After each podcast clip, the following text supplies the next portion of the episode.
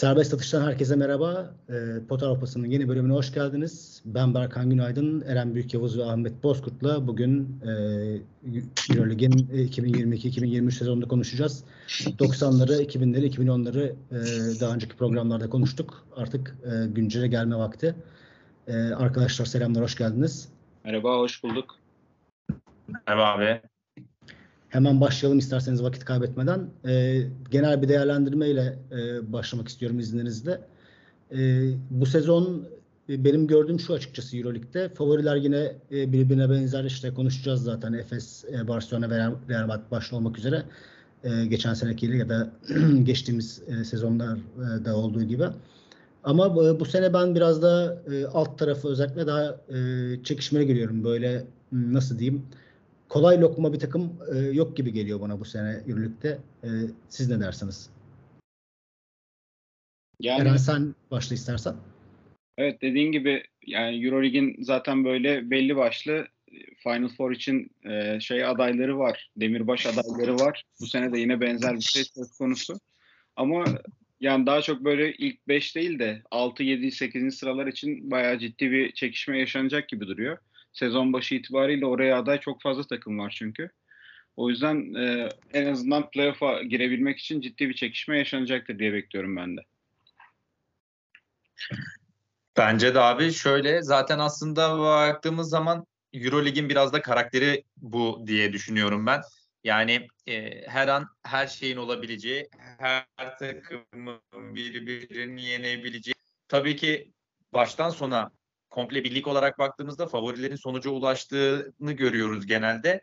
Ama sezon içerisinde küçük takımların da daha doğrusu beklenti olarak bizim küçük gördüğümüz takımların da e, favorilere sürprizler yaptığına çok defa şahit olduk. Bu yıl da yine onlardan biri olacak. Özellikle ben bu yıl örneğin işte eskiden Obradoviç Fenerbahçe e, birlikteliği gibi veya işte Lasso Real Madrid birlikteliği gibi bu tarz böyle birbiriyle özdeşleşmiş e, koç takım e, bağlarının son birkaç yılda e, koparak mesela Ituidis'in de CSK'dan ayrılması örneğin Fenerbahçe'nin başına Hı-hı. geçmesi.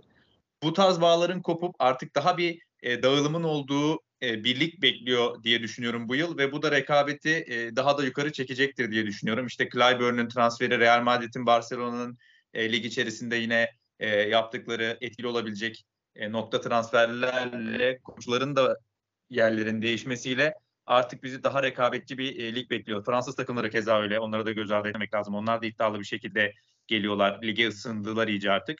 E, o yüzden hani her an her şeyin olabileceği seyir zevki yüksek bir e, sezon olacak herhalde diye düşünüyorum. Yani aslında çok ilginç bir noktaya parmak bastın gerçekten. İşte Obradoviç, Fenerbahçe, Pablo Lasso, Real Madrid böyle e, takım koç e, birbiriyle özdeşleşen takımlarda koçlar açısından bu anlamda herhalde Ergin Ataman ve Anadolu Efes e, kaldı sadece yani e... evet. Evet. En uzun birlikte Onu... bir tanesi o. Bir de evet. mesela şeyde de Bayern Bayern'de de benzer bir şey. Hı, evet, Bayern Trinkieri'yi de e, sayabiliriz. Doğru diyorsun. Evet, yani onların da aslında şöyle uzun zamandır birlikteler ama acaba bakalım e, bu nasıl bir sonuç doğuracak bu sezon üzerinde? Çünkü Efes'in üst üste 3 sezonluk yarım kalan sezonda sayarsak büyük bir başarısı son iki sezonki şampiyonluğu e, Trinkieri'nin de yine her ne kadar Final Four'u görememiş olsa da elindeki mütevazı kadroya göre e, başarılı sayılabileceği sezonların ardından üzerlerinde bir baskı hissedecekler mi yoksa e, yine aynı rekabetçiliği sürdürebilecekler mi? Belki o biraz soru işareti olabilir. Onun dışında yine hepsi aslında istedikleri yani koçlar anlamında söylüyorum hem Trinkieri hem Ergin Ataman bana göre E, istedikleri ya da en azından içine sindikleri e, takımlarla sezona başlayacaklar. Evet, e, yani şey dediğim gibi tepe takımlara geleceğiz ama bir e, alt taraftan e, şöyle bir başlayalım isterseniz kısaca. E, yani playoff'a yani evet yani takımların birbirine yakın olduğunu, kolay lokma olmayan yani hiçbir takımın kolay lokma olmayacağını e, beklediğimizi konuştuk ama e, size göre e, hani sürüden ayrılan diyeyim e, negatif anlamda takımlar hangileri? E, Eren yine senle başlayalım istersen. Yani şöyle bir baktığımda çok uzun zamandır e, süre gelen bir istikrarsızlık söz konusu. Kimden bahsediyorum? Makabi. Yani sürekli her her yıl yeniden bir yapılanma, işte koç değişikliği, yabancı oyuncuların sürekli bir gidip gelmesi. O yüzden böyle Maccabi'nin uzun zamandır zaten o şeyden e, zirve döneminden çok uzakta kaldığını zaten biliyoruz. Hı hı. Benzer bir şey yaşanacakmış gibi geliyor bana Maccabi adına. O yüzden böyle en geri planda bırakacağım takımlardan bir tanesi onlar olacak. Ee, onların haricinde bu sene Baskonya'yı da biraz e, zayıflamış görüyorum ama ya onların da tabii bir basketbol kültürü var ne, ne olursa olsun. Dolayısıyla Baskonya'nın basketbol kültürü var. Maccabi'nin yok değil mi kardeşim? Hayret bir şeysin ya. yani. ama yani Ezdirmeyiz. Bu, bu podcast'ta Maccabi'yi ezdirmeyiz. kaç yıldır o, o kültürü yok etmek için elinden geleni yapıyor Maccabi. Evet, çok haklısın ya. Yani şaka bir tarafa gerçekten çok haklısın yani. Ya o yüzden gene bu sene de yanlış hatırlamıyorsam böyle bir 8-10 oyuncu transferi yaptılar. Sürekli bir Amerikalı değişiyor orada. Dolayısıyla yine böyle Maccabi'nin e, beklentilerden çok uzak bir sezon geçireceğini düşünüyorum.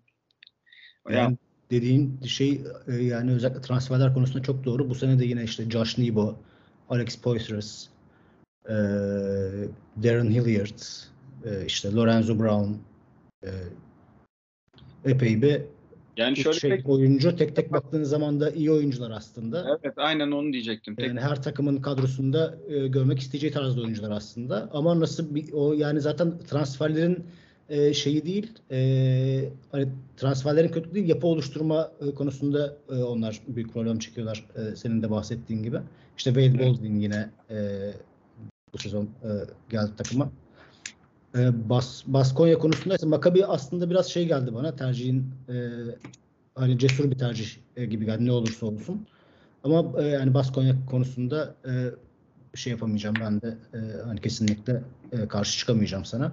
Ahmet senin e, aşağıda olmasını beklediğin takımlar diyeyim. E, ya da hani e, Eren'in Makabi e, şeyi gibi tahmini gibi böyle sürpriz Hı hı. diyebileceğimiz bir tahminin var mı? E, aslında şöyle abi ben e, Maccabi'ye biraz katılacağım burada Eren'e kusura bakmazsan. Çünkü şöyle e, ben Maccabi bu sezonki tra- tra- transferlerini e, şöyle değerlendiriyorum. Hani böyle menajer oyunlarında işte belli bir overall skala, skalası koyarız da oyunculara bakarız ya. Yani sanki biraz daha böyle e, belli noktalara yapılmış değil de aa işte Lorenzo Brown iyidir alalım deyip işte Poitras iyidir alalım deyip e, bir transfer yapılmış e, gibi sezdim. Yani iyi oyuncuları kendilerine uymayan bir sistemin içine adapte etmeye çalışacaklar ve bu da bayağı zor olacak gibi görünüyor. E, onun dışında da e, ben e, Panathinaikos'un da eski dönemlerini aratacak bir sezon geçirebileceğini düşünüyorum. Çünkü profil olarak e, Panathinaikos'tan beklemeyeceğimiz e, seviyede transferler ve bir kadro yapısıyla başlayacaklar sezona. E, o yüzden hani alışık olduğumuz o e, Panathinaikos algısının dışında bir e, herhalde sezon sonu olacak Panathinaikos için diye düşünüyorum.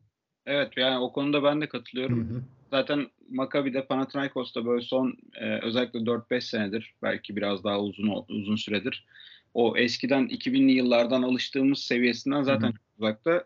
Maccabi'ye benzer şekilde Panathinaikos'ta da sürekli bir yeniden yapılanma oluyor. Sürekli bir koç değişimi oluyor. Yani bu sene de yine böyle çok üst seviye oyuncuların da transfer edilmediğini de gördük Panathinaikos'a dediğin gibi. Dolayısıyla onlar da e, yine böyle playoff'un altında kalırlarsa şaşırmayacağım. Yani e, çok yani Panathinaikos'tan bahsetmeniz e, çok iyi oldu. Çok da mantıklı oldu bence. Hani Panathinaikos her zaman e, hani 2000'lerde e, ki başarılarıyla her zaman tepede e, görünen bir takım. Hala da o algısı bence biraz devam ediyor. Ama yani kadroya baktığımız zaman hakikaten çok problemli. E, işte transfer başarısı olarak nitelendirebileceğimiz iki tane oyuncu var aslında. Biri Grigonis, diğeri de Politika. Evet. Ama yani Grigonis'i transfer etmek zaten hani e, şey değil çok hani müthiş başarılı zaten göz önünde olan bir oyuncu. Zaten kendini kanıtlamış bir oyuncu. Politika'da e, zaten hani bütün spot ışıklarının e, üstünde olduğu bir dönemde e, transfer edildi. E, hani dinleyicilerimiz biliyorlardır zaten ama işte 3 aylık bir e, neydi Reggio Calabria'ydı değil mi? E, Reggio Emilia miydi? Reggio Calabria. Evet. Neyse. Evet. Reggio Emilia pardon özür diliyorum. Reggio Emilia ile bir kontrat imzalamıştı yaz döneminde e, sezonluk kontrat bulamayınca. Ama işte Eurobasket'teki performansıyla bir anda Panathinaikos onu kadrosuna kattı.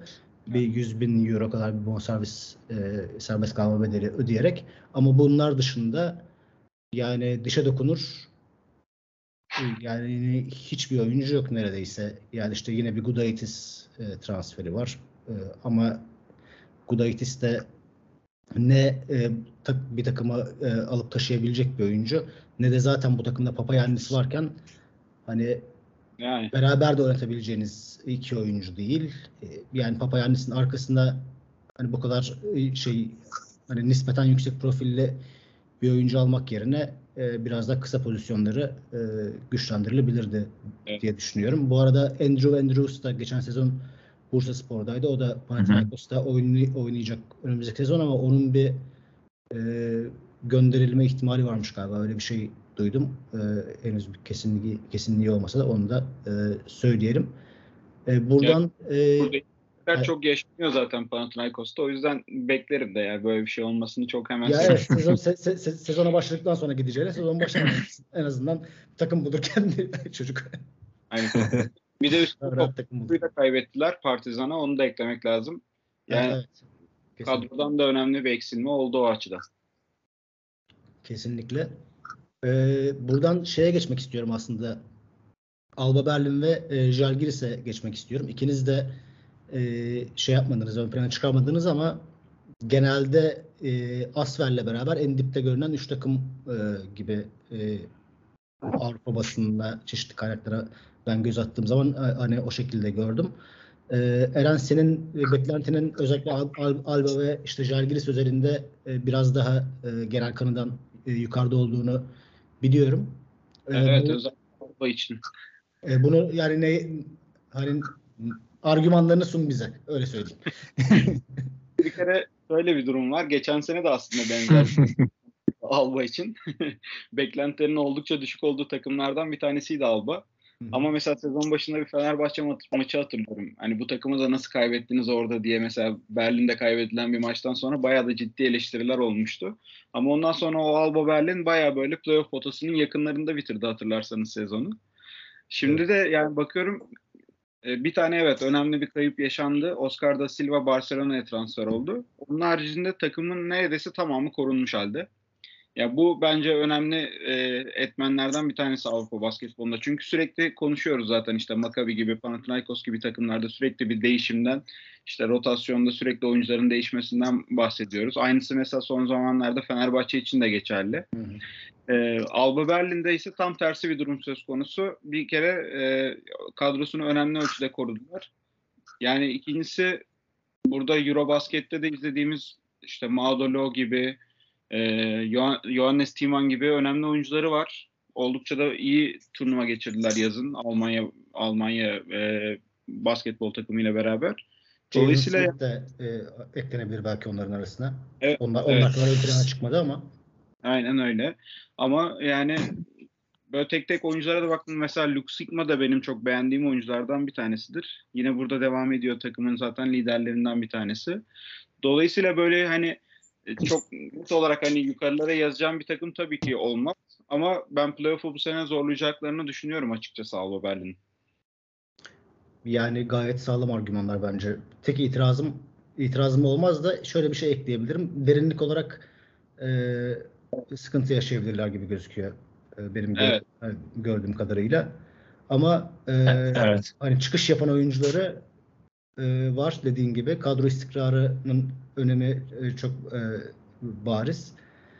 Çıkış yapan oyuncuları da çıkışlarına devam ed- ederlerse yani tahminin neden olmasın. Başında bir handikapları daha olacak bu arada. Marco Fericsson'un sakatlığı var. O da Evet. önemli spor opsiyonlarından bir tanesi sonuçta.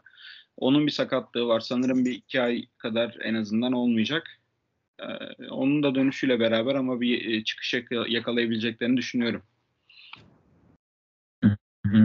Aa, bu kadro derinliği soru işaretinle birlikte benim de beklentim aslında Alba Berlin üzerinde. Onun etrafında şekilleniyor diyebilirim. Ee, şöyle aynı Eren'in geçen sene örneğini verdiği gibi Alba Berlin ya bu takımı da nasıl yendi de dedirtecek büyük ihtimalle ama kendisine rakip takımlara da böyle e, kaybettiği maçlar olacak. Tamamen o e, dar rotasyonun konsantre olduğu ve e, en iyi oyununu ortaya koyduğu günlerdeki performanslarının kaderlerini etkileyeceği bir sezon bekliyorum ben onlar adına. E, tamamen hemen hemen her maç, e, her rakip için e, sürpriz ne çıkacağı belli olmayan bir rakip olarak görüyorum Alba Berlin'i. O yüzden hani bizim rakip, e, bizim takımlarımız açısından da Fenerbahçe açısından, Anadolu Efes açısından da e, böyle beklenmedik mağlubiyetlerin görülebileceği örneğin deplasmanlardan biri olabilir mesela Alba. Hı hı. Aynen öyle. Yani Ee, Žalgiris bir de Žalgiris'ten de kısaca bahset istersen. Ya evet orada e, kadro kalitesi olarak bir kere bence e, daha geride duruyor.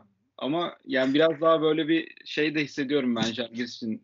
Kişisel olarak da sevdiğim e, takımlardan bir tanesi. Zaten e, Eurolig'in demirbaşlarından birisidir Žalgiris. Oradaki seyirci atmosferiyle beraber böyle en sevdiğim izlemesini izlemekten en keyif aldığım takımlardan bir tanesi.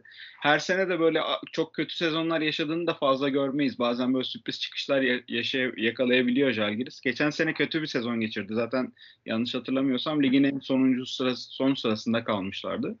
Evet. Ya bu sene daha iyi bir sezon geçireceklerini düşünüyorum. Alba Berlin'in biraz daha gerisine koyabilirim Žalgiris'i ama yine de geçen sezonki kadar kötü bir sezon geçirmeyecekler bence. Bir de orada e, Brazda ikisi e, dikkat çekmek isterim. O da Euroleague'de ilk sezonunu geçirecek. E, o da bu sene önemli böyle izlemeye değer oyunculardan bir tanesi olacaktır diye düş- düşünüyorum. Evet, Žalgiris de epey bir kadroda e, değişikliğe gitti aslında. E, yanlışım yoksa 7 transfer e, yapmış olmaları lazım. Evet. E, işte Keenan Evans, senin bahsettiğin Ignaz Brazdeikis, e, Roland Schmitz, e. Transferlerden bir tanesi. Evet ben ben yani ben ben de Schmitz'in e, e, başarılı olacağını düşünüyorum. E, sen yazında da e, bizim Salı günkü Aposto yayınımızda bu arada e, bir Euroleague e, değerlendirmemiz olacak. Onu da okumanızı tavsiye ederiz. Eren orada e, Roland Schmitz'ten de bahsetmişti. E, Barcelona'nın kalabalık rotasyonunda e, çok kendini gösteremedi oyuncu ama Žalgiris'te e, yukarıya doğru bir adım atması hiç sürpriz olmaz. Kesinlikle. Ahmet senin ekleyeceğin bir şey Evet. var mı Žalgiris'le ilgili? Abi Žalgiris'te sadece şunu görüyorum. Ee, dediğin gibi çok transfer yapılan sezonlar da oluyor. Kadronun pek değişmediği sezonlar da oluyor. Tabii ki her takım için bu geçerli de. Mesela bu sezon kadronun çok değişti. Çok fazla transferin olduğu bir sezondu. Ama dönüyoruz dolaşıyoruz. Ben bu Žalgiris'te sadece şunu görüyorum. Litvanya milli takımından alabileceklerini almışlar. Alamadıklarının yerine de Amerikalıları Onların almışlar. yerini aynen birkaç gömlek altındaki Amerikalılarla doldurmaya çalışmışlar. Yani tam Eurobasket'te izlediğimiz Litvanya takımını izlermişiz gibi olacağım ben. Niye ya? Ee, Şey alamamışlar Euroleague sezonu başlarında. Jonas Valanciunas falan alamamışlar. Nasıl alamamışlar? Ha, hayret ben de şaşırdım. Euroleague'de bir ortama gelmemesi ilginç. Kariyer planlarını bir gözden geçirmesi lazım. O zaman arkadaşlar şeye geçelim. Ee, ortalara doğru e, gelelim biraz or, e, diplerden. Ya orada zaten bir sürü takım oraya aday. o, Evet. Evet. Yani e, e, şu ana kadar zaten hani 3-4 tane takımdan bahsettik. E, bahsetmediğimiz altlarda kalacak kalacağını düşündüğüm, düşün sizin de düşündüğünüz muhtemelen hani Asfer gibi, Kızılyıldız gibi, Baskonya'dan yani şöyle bir bahsetmiştik gerçi ama işte. Baskonya gibi takımlar da var herhalde. Yani onları ortaya alacağınız burada gerçi sen Alba'yı aldın mesela oraya e, Eren ama Evet. e, bunlar arasında bilmiyorum hani daha ortaya alacağınız takımlar var mı ama Valencia mesela yine o seviyelerde. Evet zaten eee, o zaman şeyle başlayalım istersen hani Valencia ile eee, bir giriş yapalım. Yani Eurolig'in bir türlü böyle devamlı aktörlerinden birisi olamadı Valencia. Bir şey şey düşme düşme yok ama asansör takım değil mi Valencia? Aynen öyle evet evet. Tam, tam dediğin gibi bir tabir yerinde yani Valencia için asansör takım. O yüzden onlar da böyle belki şeyi de yapamıyor adamlar yani istikrarlı bir kadro kalitesi tutturamıyorlar yani. Bir sene çünkü Euro Cup'a göre bir kadro, bir, bir sene Euro Lig'e göre bir kadro. Ya Evet. oyuncularla mesela uzun süreli sözleşme imzalamak bile çok kolay olmuyor böyle bir durumda. Ee, Özellikle üst seviye oyuncular için. Yani Euro Cup'ta kalmaya da ikna edemezsin çünkü pek çok oyuncuyu. Dolayısıyla böyle hani hep e, şey bir takım Valencia. Yani kesinlikle çok zayıf bir takım değil. Zaten İspanyol takımları için bunu söylemek çok mümkün olmuyor. Ama hani bir türlü o eşiği aşa- aşamayan takımlardan bir tanesi. Genelde böyle o yüzden playoff potasının çok yakınlarında dolaşan ekiplerden biri oluyor. Yine benzer bir sezon geçireceklerini düşünüyorum ben o yüzden. Ama hani yani orada Valencia'ya gidip orada çok rahat bir galibiyet alır Efes, Fenerbahçe. Şimdi o kendi takımlarımız için de bunu söyleyeyim. Ya öyle bir şey de rahatlıkla söyleyemiyorsun mesela. Kesinlikle zor maçlar olacak orada. Yani dediğin e, şeye e, e, yani Çok mantıklı bence de. Ee, hani bu sene de sanki Valencia geçtiğimiz sezonlarda Euroleague sezonlarında neyse gene o olacakmış gibi. Hani kadroya evet. falan baktığımız zaman da e, bunu görüyoruz. Yine şeyler var. E, bu takımda görmeye alışkın olduğumuz işte Klemen Prepelic gibi, Sam e, Van Rossum gibi ve tabii ki Boyan Dubljevic e, gibi oyuncular var ama bunların yanında böyle tam Euroleague seviyesinde mi Euroleague seviyesinde bir oyuncu ama hani Euro Cup'a koysan da sırıtmaz e, falan gibi böyle çok fazla oyuncu var işte Victor Kraver e, başta olmak üzere e, ve İspanya e, da işte Eurobasket'te izlediğimiz e, Xavi Lopez Ar Arostegui ve e, Jaime Pradilla da e, yine bu takımda olacak. Evet. Özellikle Jaime Pradilla'nın yani genç bir oyuncu olarak e, dikkat çekebileceğini düşünüyorum. Ben zaten Eurobasket'te dikkat çekmişti. Çok yetenekli bir oyuncu ama Euroleague seviyesi biraz daha farklı tabii. E, sen, de, e, sen neler eklersin Valencia ile ilgili Ahmet? Abi Valencia ile ilgili aslında Eren'in az önce söylediği mevzuya biraz katılıyorum ben de. Kadro istikrarının olmaması durumu. Şöyle örneğin Kalinic transferini yaptıklarında ben biraz şaşırmıştım Kalinic'in bu tercihi anlamında. Çünkü daha üst düzey, daha yukarıları hedefleyen takımların Kalinic'e talip olacağını düşünmüştüm mesela. Şimdi Valencia'nın geçmişine baktığımız zaman işte Dekolo'lar eskiden şimdi yakın dönemde Kalinic'in olduğu gibi böyle yüksek profilli oyuncuların yer aldığı kadroları oldu aslında. Ama o oyuncular etrafında kurulan düzen onlara en azından denk olmasa bile yakın seviyedeki oyuncularla olmayınca o düzen daha seviye oyuncularla kurulmaya çalışılınca az önce bahsettiğin o işte Euro Cup'a gitse tamam iyi falan denilebilecek e, tarzda oyuncularla kurulunca tabii e, ister istemez bir istikrarsızlık oluyor. E, Valencia'yı bekleyen bu senede çok farklı bir durum olmaz diye düşünüyorum ben kendi adıma. İşte Dublevic'in e, Eurobasket'te Karadağ'la yaptığı gibi çıkıp böyle tek başına çok iyi maçlar çıkartacağı zamanlar izleyeceğiz belki. Bu bu tarz maç günlerinde e, Valencia belki e, galibiyetler alacak. E, belli başlı hedef maçlarında da başarıya ulaşacak ama e, sezonun geneline ve sonuna doğru baktığımız zaman herhalde e, Valencia'nın çok da e, sürpriz adayı olmayacağını düşünüyorum ben. Ama e, yine de ne olursa olsun az önce bahsettiğiniz gibi İspanyol takımıdır. İşte koç Alex Mumru, yardımcısı Sana Meterio. Yani belli bir ekolün içinden geliyorlar. Belli bir e, basketbol karakterleri var.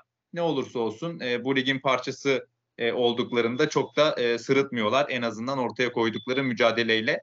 E, hedefleri yüksek olmasa da aşağı yukarı yine aynı az ilk başta dedik ya hani ortalama takımları konuşalım. Ortalamanın altındaki takımlardan biri olarak e, şaşırtmadan bizi devam eder diye düşünüyorum. Evet çok altlara da inmez. Ee, hani playoff zorlaması e, başarı e, kabul edile, edilebilecek bir takım olacak gibi gözüküyor. Bu arada evet. Alex, Mumru, Alex Mumru'dan da e, bayağı övgüyle e, bahsedildiğini söyleyelim. E, daha yeni bir koç olmasına rağmen e, enteresan şeyler göstermesini bekliyoruz bize. E, Valencia ile ilgili son olarak şeyi ekleyeyim. Ben John Radebo ilginç bir transfer. E, fizik topa, topa baskı yapmayı seven e, bir guard. E, aslında ben onun e, bu arada Karadağ, Karadağ'ın transfer Amerikalılarından bir tanesi aslında ama işte Kendrick Perry'i ter, e, tercih ettiler e, şeyde Eurobasket'te. Ben e, mesela Radebo'nun e, hani tercih edilmesini bekliyordum. E, o da hani dikkatle izlenmesi gereken oyunculardan bir tanesi olduğunu düşünüyorum bu sezon e, Euroleague'de diyeyim. Hı hı. E, Valencia'dan e, biraz daha böyle şeylere çıkalım isterseniz yukarılara. E, yani playoff e, yapması sürpriz olmayacak. E, hatta böyle bir sürpriz yapıp e, bir anda kendini Final Four'a atabilecek e, çok yüksek bir ihtimal olmasa da hani onun altını çizeyim e, ufak bir ihtimal olsa da iki tane takım görüyorum ben burada. E, Euroleague'in iki yeni takımı ama önemli para harcayan iki takım aynı zamanda Partizan ve e, Virtus Bologna. E, Ahmet senle başlayalım bu sefer istersen. Sürekli Eren'le başladık. Ayıp olmasın. Abi bu iki takımdan bahsedince tabii ki kadrolarında kaliteli oyuncular var. E, ama en başta söylenmesi gereken e, bir takımın başında Partizan'ın e, Jelko Obradovic'in olması, diğer tarafta da Sergio Scariolo'nun olması. E, bu iki koç e, Avrupa'nın hem e, milli takımlar düzeyinde hem de kulüp düzeyinde e, artık yani tartışması e, mümkün olmayan e, üst düzey e, koçları olarak e, gördüğümüz koçlar e, ve tamamen winner karakterleriyle tanınıyorlar. İşte Scariolo bir örneğini hemen bir ay öncesinde daha belki bir ay bile olmadı e, Eurobasket'te e, gösterdi İspanya milli takımıyla. Ben aynı şekilde kulüp takımında da e, Virtus Bologna e, sezon aynı performansı göstereceğini düşünüyorum onun da ki kadroları da hiç öyle yabana atılacak oyunculardan kurulu değil. E, Ife Lundberg e, kat, e, takviyesi de e, bu noktada e, Bologna'yı bir tık daha öne çıkarabilecek bir hamle oldu. Çünkü e, düzenler anlamında e, Hackett'ın yanına bu tarz bir eklemeye ihtiyaç duyacaklardı. E, Partizan açısından da yine öyle. E, geçen sezon e, her ne kadar Euroleague'de olmasalar da Euroligi hak eden bir kadroyla mücadele etmişlerdi. E, bu sezon da yine o kadrodan e, geri kalır bir yanları yok e, ve birkaç tane yine önemli eklemeyle e, Final Four'un yani playoff'un zaten ama belki de Final Four'un e, sürpriz adaylarından bir tanesi e, olacak diye düşünüyorum Partizan için. Tabii şimdi Obradovic Partizan'ın başına geçtiğinden beri hep işte rahatlıkla götürecekler, rahat kazanacaklar gibi bir e, algı oluşmuştu. E, bir sürpriz de yaşanmıştı bir Bursa Spor'la. E, ama e, Euroleague sezonunun e, eliminasyonunun daha az olduğunu ve istikrarın e, önemli olduğunu belli başlı kayıpların telafi edilebilir olduğunu düşününce Partizan'ın da ben yine de iddialı olacağını düşünüyorum. Her ne, ne kadar sürprizlere sürprizlerle karşılaşsalar da. Evet Eren sen de işte e, Partizan'la devam et istersen. Evet evet yani şimdi gerçekten gibi iki yeni takım ama birinin başında Avrupa'nın ve kulüp bazında en başarılı, diğerinde milli takım bazında en başarılı koçu var her iki takımda. Ya dolayısıyla bu takımlardan bir şey bekleme, beklememiz normal aslında. Ben biraz Partizan'ın böyle sezonunu şeye benzetiyorum. Obradovic'in Fenerbahçe'deki ilk sezonuna benzetiyorum. O zaman da böyle tabii kaderleri kader kaderleri benzemez inşallah. Ya format farklı, format farklı. O yüzden hani birebir eşleştirmek çok kolay değil ama o zaman da mesela işte e, top 16'ya kalmıştı Fenerbahçe ama evet, daha sonra top 16'de patlamıştı. Aynen. Yani şimdi o o yüzden benzer bir durum böyle yani ilk 8'in kıyılarında gezecektir kesinlikle Partizan ama ya bir sürpriz de yaşanabilir. Geçen sene de işte bahsettiğin gibi Bursa Spor'a elenmişlerdi Euro Cup'ta ama o tabii çok daha farklı bir format. Böyle tek maç tek üzerine. Maç. O yüzden hani o, öyle bir durum vardı orada. Ya şimdi baktığım zaman da bu kadroya evet iyi oyuncular var ama yani Obradovic takımlarında zaten şöyle bir şey her zaman vardır. Yani hemen bir senede iki senede bir başarı değil de böyle üstüne koya koya ilerleyen takımlar her zaman izlemişizdir. Dolayısıyla bu burada da bu partizan projesi olarak görüyorum ben Obradovic için. Yeni bir meydan okuma yani bu. Yani bunun ilk adımları atılıyor aslında burada. Mesela işte Papa Petru'dan bahsetmiştik. Önemli e, kazanma alışkanlığı olan oyunculardan bir tanesi. Yanına işte Nanalı'yı da bildiği bir oyuncu olduğu için Nanalı'yı da ekledi. Ee, bir de mesela Dante Exum da bence önemli transferlerden bir tanesi. Yine o da Barcelona'nın geniş rotasyonundan bir şekilde kopup buraya geldi. Bence o da önemli oyunculardan bir tanesi olacak. Kesinlikle iyi bir kadrosu var. Ama yani ne olursa olsun Euroleague'de bu ilk sezon olacak çok uzun bir zaman aradan sonra Partizan için. Dolayısıyla hani ilk 8'in dışında kalırlarsa da böyle çok acayip şaşırmayacağım. Ama için olduğu takımlar zaten oraların her zaman şeyidir. Yani doğal adaylarından bir tanesidir. Dolayısıyla ilk 8 civarında do- dolaşacaklardır gibi geliyor bana. E, Virtus Şeye geçmeden e, Virtus Bologna'ya geçmeden aslında şu Dante'ye gizma e, bir parantez açmak istiyorum ben. Hı hı. E, çok yani e, herhalde bu sene e, birazdan e, ona da geliriz ama işte Semih Hoca ile beraber yani Semih Hoca Avrupa'ya gelmesi çok büyük sürpriz sayılmaz gerçi ama e, yani Dante'ye kızım en şaşırdığım transfer oldu açıkçası. E, hani Avrupa'ya gelmesi değil e, geçen sene zaten Barcelona'da geçirdi yarım sezon. E, ve çok da iyi bir sezon geçirdi. Barcelona'nın da yeniden kadrosuna katmak istediği hatta e, söyleniyordu, biliniyordu. Ama işte Exim NBA'de yeniden şansını e, denemek istediği için Barcelona ile yeni bir sözleşme imzalamadı.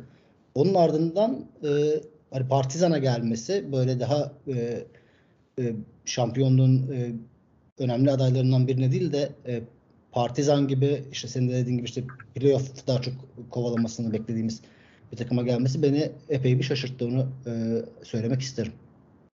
Evet evet. Yani o da bir meydan okuma olarak belki değerlendiriyor olabilir bunu. Çok böyle... Yani daha evet daha fazla rol alabileceği, topu daha fazla elinde e, olabileceği bir takım olarak e, düşünüyor olabilir ama Kevin Panther varken de e, çok fazla düşünmese bunu iyi olur gibi geliyor bana. Yani- Virtus Bologna ile devam edelim istersen. Bologna tarafında bana kalırsa Bologna kadro kalitesi olarak biraz daha önünde görünüyor Partizan'ın. Ki zaten geçen senenin de Eurocup şampiyonu aynı zamanda. Yani bu sene de dediğin gibi Jumberg önemli eklemelerden bir tanesiydi ki Fenerbahçe için de konuşulduğunu hatırlıyorum Jumberg'in. O da ya- yani Hı hı. e, çok iyi, çok çok iyi bir e, transfer bana göre bu arada. Kesinlikle öyle, kesinlikle öyle. Ya Ojolay dediğin gibi yine yeni transferler. Onun da yine tabii bir Avrupa basketboluna uyum süreci olacaktır ama e, onun haricinde bir de Şengelya'nın da burada devam etmesi önemli bence. Ama bir sakatlığı, sakatlık durumu söz konusu. Yani onun nasıl döneceği önemli orada. Evet. Ne zaman dönecek biraz o soru işareti. Ama yani kesinlikle iyi bir kadrosu var Bologna'nın. O yüzden onlar ilk 8'in içerisinde gördüğüm takımlardan bir tanesi açıkçası. Ee, evet yani burada e, e, Semih Hoca'ya biraz e, değinelim. E, e, tabii ki NBA'den yeni e, e, gelen bir oyuncu olarak dediğin gibi Avrupa basketboluna adapte olma, olması biraz zaman alabilir ama topu çok fazla elinde istemeyen bir oyuncu olduğu için ben o e, sürenin çok e, hani uzun olacağını zannetmiyorum. Zaten e, hani ikinci e, skor opsiyonu olabilecek bir oyuncu bence Avrupa'da bile. E, yani başta şey düşündüm acaba e, Gürşonya bu sene tarzı bir etki yaratır mı diye ama e, çok da sanmıyorum. Yani faydalı olacaktır bence. Hı. Özellikle savunma tarafında. E, ama e, Avrupa basketbolunda da mesela e, yani şutunu geliştirmeye ihtiyacı var hücumda e, bir etki yaratabilmesi için. Ama tabii ki e, önemli bir transfer ve e, denemeye de- değer bir e, kumar olduğu e, kesin. Kesinlikle. E, buradan biraz daha yükselelim o zaman. E, Arada playoff yani şöyle söyleyeyim e, playoff yapmak ihtimalinin çok yüksek ol- olan e, Final Four'da e, hani yapabilecek yine çok yüksek ihtimal değil ama yapabilecek e, takımlar. E, Monaco evet. birincisi, e, Olympiakos ikincisi ve e, Fenerbahçe Beko da üçüncüsü diye düşünüyorum herhalde. Bunların yanına da e, başka bir takım ha bir de Bayern'i de ekleyelim e, bunların arasına. E, sonuçta onlar da iki sezondur e, bir maçta kaçırıyorlar Final Four'u. Ya evet kesinlikle. Bundan sonra konuşacağımız üç takım zaten e, şampiyonluğun e, dört takım düzeltiyorum. E, şampiyonluğun en önemli adayları olarak e, konuşacağız. Bilmiyorum yani o dört Evet. arasından eklemek istediğiniz başka bir takım var mı bu dörtlüye? Ya evet şimdi şöyle bir baktığım zaman Bayern'i bir kere kesinlikle şey yapamıyorum. Göz ardı edemiyorum. Dediğin gibi ucu ucuna kaçırılmış iki tane üst üste Final Four var. Yani kadro yapısı olarak da çok büyük bir değişikliğe gitmedi yine Bayern. E, başlarında Trinkieri ile de yine devam ediyorlar. Dolayısıyla yine orada önemli adaylardan bir tanesi olacaktır bence de Bayern. Monaco geçen senenin sürprizlerinden bir tanesiydi. Yani açıkçası işte Alba Berlin'le beraber böyle ilk ilk bakışta en zayıf kadrolardan bir tanesi olarak görünüyordu hatta Monaco. Bizim geçen sene de hatırlarsınız bir Evet. dergime şeyimiz vardı, dergimiz de vardı. Orada hep böyle en zayıf takım olarak konuştuğumuz ekipti Monaco ama çok acayip bir sezon geçirdiler. Ya orada bir de Mike James faktörü var. Hiç ne yapacağı olmayan bir insan. Do- do- Aynen öyle. Dolayısıyla yine böyle Monaco'larda yer alacağını ben de düşünüyorum. Ee, Ya Monaco ile ilgili şunu söyleyeyim ben en başta. Ee, a- e, ondan sonra Ahmet sen de Monaco ile ilgili görüşlerini söyle istersen. Çünkü ilginç bir takım gerçekten ve e, biraz ayrıştırıcı da bir tak- takım bence. Ya ben mesela e, genel kanıdan biraz daha e, şeyim onlara karşı. Biraz daha düşüğüm öyle söyleyeyim. E, yani ben e, ya Final Four yapmaları hani birçok yerde benim duyduğum hani sürpriz olmaz şeklinde konuşuluyor.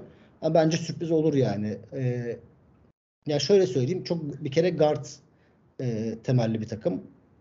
İşte Mike James, Eli Okobo ve Jordan Lloyd'la birlikte. Ee, işte Adrian e, Moerman e, yeni transfer. Donatas Mo- Motiejunas e, ile işte e, hani işte Jaren Blossom Game vesaire Dante Hall e, falan da var. Al- Alfa Diallo var yine. Ama e, bu takımın hani guardları hani iyiyken iyi, guardları kötüyken e, kötü olacaklarmış gibi bir bir şey var bence. Hani bu anlamda bir dengesizlik seziyorum ve bu oyuncuların dengesiz yani o bu üç oyuncunun e, daha doğrusu hani Lloyd için belki çok fazla hani söyleyebilir miyiz bilmiyorum ama Okobo ve James e, özellikle bu oyuncuların biraz dengesizliğiyle de e, bunu şey yapmak de yani destekliyorum. E, Mike James'i zaten biliyoruz. E, Eli Okobo da geçen sezon işte iyi bir sezon e, geçirdi. Özellikle e, yani daha doğrusu iyi bir sezon geçirmiş gibi e, gözüküyor. Çok iyi başlamış, başlamıştı çünkü sezonu Asfer'le. Müthiş başlamıştı. Ama e, sezonun sonuna doğru biraz düşüş gösterdiğini gördük ve Eurobasket'te de açıkçası pek iyi bir performans ortaya koymadı. E, Ahmet buradan e, e, sen e, al istersen bana katılır mısın? Yoksa e, sen de hani e, bu takımın potansiyelini yüksek mi görüyorsun? Abi şöyle, e, Okobo'nun istikrarsızlığı üzerinden e, değerlendirecek olursak aslında bu e, Monaco'nun tamamı için belki de söyleyebileceğimiz bir şey. Yani yere geldiği zaman Anadolu Efes gibi bir takımın bile sadece guardlarının eline bakıyor Hı. olarak e, eleştirildiği yerde e, Monaco'nun e, bu eleştirilerden nasibini almaması aslında biraz şaşırtıcı. Tabii ki bu takım geçen yıl bizi şaşırttığı için e, beklentileri biraz daha e, yukarı çıkardı. Ee, en azından geçen sezon gördüğümüz gibi tabii ki ligin altlarında e, olmayacaklarını düşünüyoruz. Sonuçta orada da e, iyi kötü bir kimya oluştu ve e, eklemelerle birlikte onlar da takımlarını güçlendirmeye çalıştılar. E, yalnız e, Final Four bana biraz uzak geliyor açıkçası. Çünkü e, Final Four yapabilecek takımları değerlendirdiğimiz zaman veya en azından şimdiden oynanmamış maçlar üzerine e, bazı tahminler yapmaya çalıştığımız zaman kağıt üzerindeki kadroları karşılaştırdığım zaman yani bir e, Empoli Armani'nin, Barcelona'nın, Efes'in veya işte Real Madrid'in az, az sonra konuşacağımız bu takımların kadrolarıyla kıyasladığımızda hani burada yeri dolamayacak çok oyuncu var. Şimdi bu saydığımız takımlarda bazen sahada görmediğimizde eksikliğini hissetmeyeceğimiz ama Avrupa'nın hangi takımına giderse gitsin o takımın lideri oynayacak pek çok lider olabilecek pek çok oyuncu var. E, Monaco'nun bu tarz bir dezavantajı var. Yani Mike James'in olduğu günle olmadığı gün. Yani ol, olmadığı gün derken bazen kafa olarak da olmayabiliyor Hı hı. mesela sahada. E, bu günler çok etkiley- etkileyecek e, Monaco'nun performansını ve alacağı sonuçları. O açıdan ben tabii ki e, beklentim geçen seneye göre çok çok yükseldi. Çünkü geçen yıl beni de şaşırtmışlardı. E, ama Final Four olur mu dersen e, ben Final Four için biraz uzak görüyorum Monaco'yu.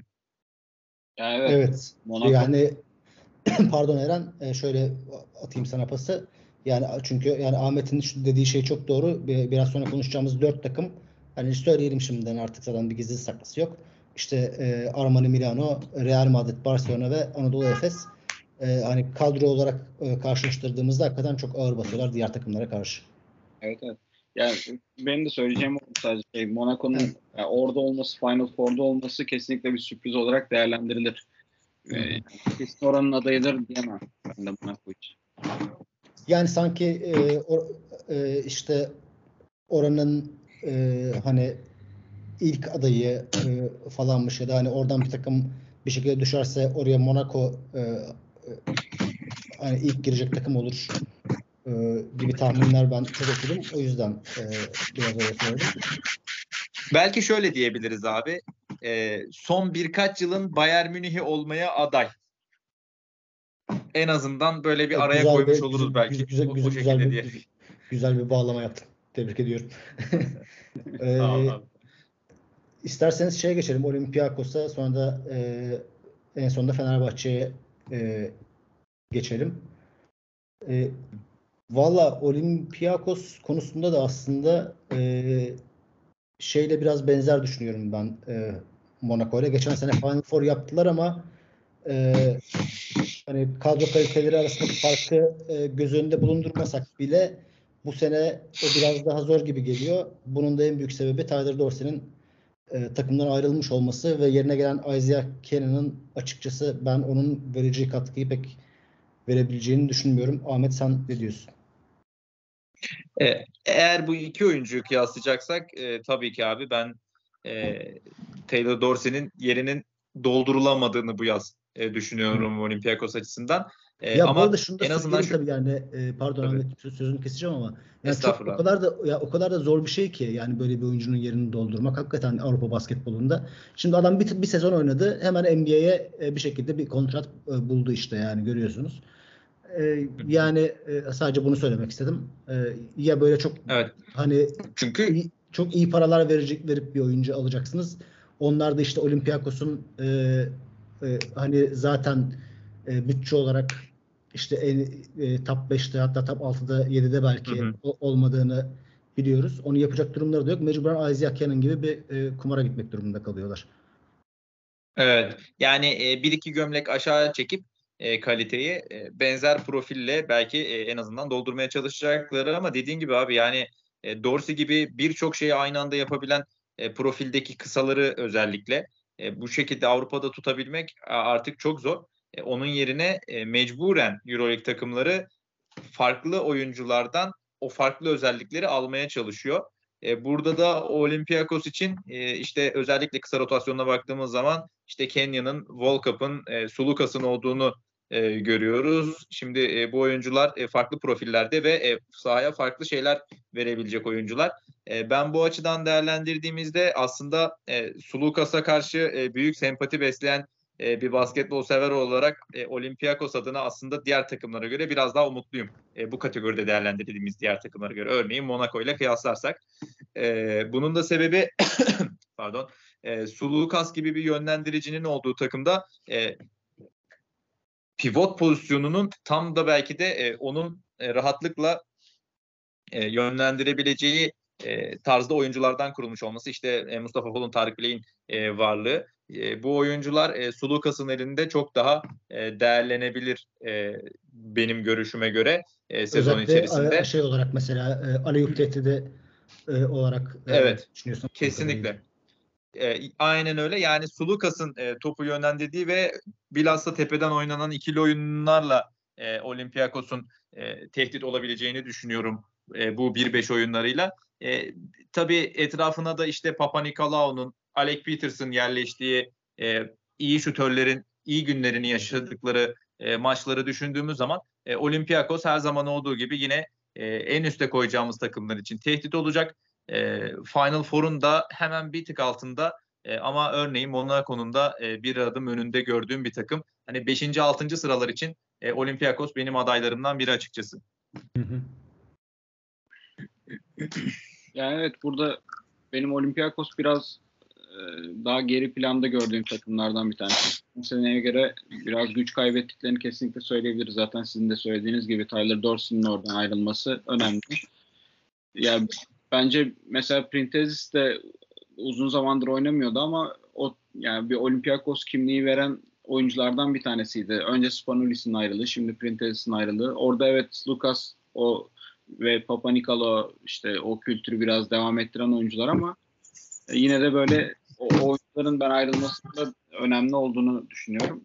Dolayısıyla hani böyle geçen seneye göre biraz daha geride kalacaklarını ve yani bu sene mesela o Final Four başarısını devam ettirebileceklerini düşünmüyorum açıkçası. Biraz daha geri planda görüyorum Olympiakos'u. hı. Evet, o zaman e, e, Fenerbahçe'ye Fenerbahçe Beko'ya geçelim isterseniz. E, artık e, 4 e, en büyük 4 Final Four adayımızı konuşmadan önce e, Obradoviç ayrıldığından beri 3. sezon 3. koç yine e, baştan aşağı değişen bir kadro. Ama en azından bu sefer e, head coach herkesin üzerinde e, herhalde birleştiği bir isim oldu diye düşünüyorum. E, oradan atayım sana pası Eren istersen. Evet. Itudis yani üzerinde böyle çok soru işaretleri barındıracak bir koç kesinlikle değil zaten. Hani kimi getirebiliriz? Şöyle bir düşünüyorum. Gerçekten olabilecek en iyi isimlerden bir tanesi zaten Itudis. Ama yani orada o konuştuğumuz mesele işte biraz problem olmaya başladı Fenerbahçe için. Aynısı işte bu Panathinaikos için, Maccabi için konuştuğumuz mesele Evet. Fenerbahçe için de 3 senedir sürekli baştan aşağı yenilenen bir kadro söz konusu. En büyük problem bu sene içinde yine aynısı olacak. Ya burada tabii Euroleague için çaylak diyebileceğimiz isimler de var. Onların biraz daha işte bu takıma uyum sağlaması, ortama uyum sağlaması biraz zaman alacak gibi görünüyor açıkçası. İşte en son mesela lig maçını da takip ettim. Orada da yine işte Jonathan Motley ve Carson Edwards mesela Türkiye Ligi'nde bile o ilk oynadıkları maçta Bahçeşehir karşısında açıkça zorlandılar. Ki ikinci yarıda neredeyse hemen hemen hiç süre almadılar. Yani çok Carson Edwards sanırım hiç girmedi zaten. Motley de birkaç böyle birkaç dakika e, mecburiyetten girmek zorunda kaldı. Ve onların Ki şeyde e, Kara- Kara- Karates de yoktu. e, yanlış bilmiyorsam değil mi? evet evet Galates de yoktu. Ona, ona rağmen Edwards ikinci yarı süre almadı diyorsun. almadı. Ya biraz evet onun böyle şey e, takıma adaptasyon süreci uzun süre gibi geldi böyle. Yani bir de e, sağ, böyle sağ kenardaki hareketlerini de biraz böyle özellikle gözlemlemeye çalıştım. Ya biraz farklı bir karakter. Yani zaten Amerika'dan geliyor buraya. ilk defa işte oynayacak. Ac- Yani çok bariz böyle hani buraya alışkın olmadığı işte buradaki şeyin ritüellerin ne olduğunu farkında olmadığı o kadar bariz ki böyle hani işte molalar esnasında özellikle gözlemliyorum. Böyle biraz daha uzakta kendi halinde şey yapıyor, dolaşıyor böyle. yani gerçekten buranın çaylağı kadar barizdi ki. Zaten ikinci yarıda da dediğim gibi hiç oyunda süre de alamadı. O, o dediğim şey adaptasyon süreci biraz ne kadar uzarsa o, o kadar Fenerbahçe için problem olacak gibi duruyor. Keza şey için de öyle, Jonathan Motley için de öyle. Onun aslında Avrupa'da ilk sezonu değil bu ama yine de yani ne olursa olsun çok daha üst seviye bir ligde şimdi oynayacak ve daha büyük hedefleri olan bir takımda oynayacak. Itudis gibi bir koçla ilk defa çalışıyor olacak. Dolayısıyla hani çok kolay olmayacak. Onların özellikle bu iki oyuncunun adaptasyon süreci biraz zorlayacak gibi duruyor Fenerbahçe. Ee, Ahmet sen sana da şöyle e, sözü vermek istiyorum. Ee, hani Carson Edwards özelinde de işte e, Jonathan Motley aynı şekilde iki tane çaylak ve önemli roller alması beklenen iki çaylak bunlar. Ee, Fenerbahçe için e, yani Euroleague'in en tahmin edilemez takımı desek e, çok mu abartmış oluruz sence? Bence aslında abi şu e, bütün takımları değerlendirdiğimiz e, sürecin geldiğimiz yerinde baktığımız zaman e, pek de yanıldığımızı söylemeyi söyleyemeyiz. Çünkü hakikaten de hani kadro anlamında baktığımız zaman geride kalır bir yanı olmadığını ama kadronun kendi içerisinde birbiri için bile e, sürprizler barındırdığını söyleyebiliriz. E, Edwards ve e, Motley tabii ki e, bunların e, başında geliyor. E, yalnız ben e, iki oyuncu için de e, şöyle düşünüyorum. E, evet biraz bu seviyelere ve Edwards açısından e, bu ülkeye, bu sisteme e, tamamen yani bu Avrupa basketboluna yabancı bir oyuncu olarak e, onun adaptasyonunun içeride oynanacak kalabalık bir Euroleague maçına bağlı, bağlı olduğunu düşünüyorum açıkçası. Motley için de bence bu geçerli. Çünkü Edwards e, attıkça atmaya devam edebilen, e, o e, momentumu arkasına aldıkça e, daha da hızlanabilen bir oyuncu. Motley de yine e, coşkusu coşkuyla oynayan, ısıran, atlayan, zıplayan bir oyuncu. E, bu oyuncuların ben e, o duygusallığı, o taraftarın onlara göstereceği güveni, sevgiyi hissettiklerinde e, başka bir seviyeye geçeceklerini düşünüyorum. E, onun dışında e, geçen sezon Djordjevic'in elinde onun kurmadığı ama hazır bir kadro vardı ve bu kadro onu Hı biraz daha böyle kadroya göre plan yapmaya itmişti. Mesela işte Şehmuz'un bir numarada değerlendirilmek zorunda kaldığını e, veya işte belki de elinde istediği kadro olsaydı da bunu tercih edebilirdi ama en azından o dönem için e, bunu uygulamak zorunda kalmıştı. Şimdi Ituidis'in elinde e, daha fazla opsiyon var. İşte e, Edwards'ın, Şehmuz'un, Wilbeck'in, Kalatis'in olduğu bir e, belki kısa rotasyonuyla, e, guard rotasyonuyla oynayacak. Bu oyuncuları birbirleriyle de e, oynatabilecek. E, burada farklı tiplerde oyuncuların olması e, bu dört oyuncunun da e, Ituidis'in elini güçlendiriyor. Koçun da Ituidis olduğunu tabii ki de hesaba katmamız lazım burada. Ben Fenerbahçe'nin elinde yeterince opsiyon olduğunu düşünüyorum. Keza Bielitsa e, hamlesi de e, Dechampierre'i e, destekleme anlamında e, çok iyi bir hamle oldu bence. E, bu yüzden e, kadro anlamında Fenerbahçe'nin aslında hiç geri kalır yanı yok. E, sadece soru işaretleri bu yeni oyuncuların adaptasyonu Ituidis'in e, ne zaman e, takıma ve ortama ısınacağı konusu. Çünkü Eurobasket'ten geldi koç da Yunanistan milli takımıyla e, mücadele ettikten sonra. E, ben Fenerbahçe için fazlasıyla olumluyum. E, çünkü bu e, Edwards gibi dediğim gibi Motley gibi oyuncuların e, bir tane iç saha maçıyla Fenerbahçe taraftarıyla tanıştıktan sonra e, bambaşka bir oyun sergileyeceklerini düşünüyorum. Geri kalan oyuncularda da aslında top tamamen Itoidis'te e, belli bir düzen e, oturduktan sonra e, hepsi katkı verecek düzeye geleceklerdir. Zaten Wilbeck'inden, Kalatis'ten bahsediyoruz. Evet yani değindiğin nokta çok doğru özellikle Carson Edwards açısından e, yani oyuncu istenen performansı gösteremese bile e, Itudis'in elinde farklı seçenekler olacak dediğin gibi işte Scottie Wilbeck'in e, ve Nick Galates işte yan yana oynayabilir. Şehmuz onların arasına girebilir. Hatta işte Scottie Wilbeck'in e, Nick Galates ikilisinden bir, birinin yanına Guduric'i iki numara oynatıp hı hı. öyle bir çözüm bulabilir. İşte Melih Mahmutoğlu yine tabii ki e, burada bir opsiyon olabilir. En azından e, dediğin gibi e, bu anlamda bir e, daha fazla opsiyon olacak elinde e, Dimitris Itudis'in. E, o zaman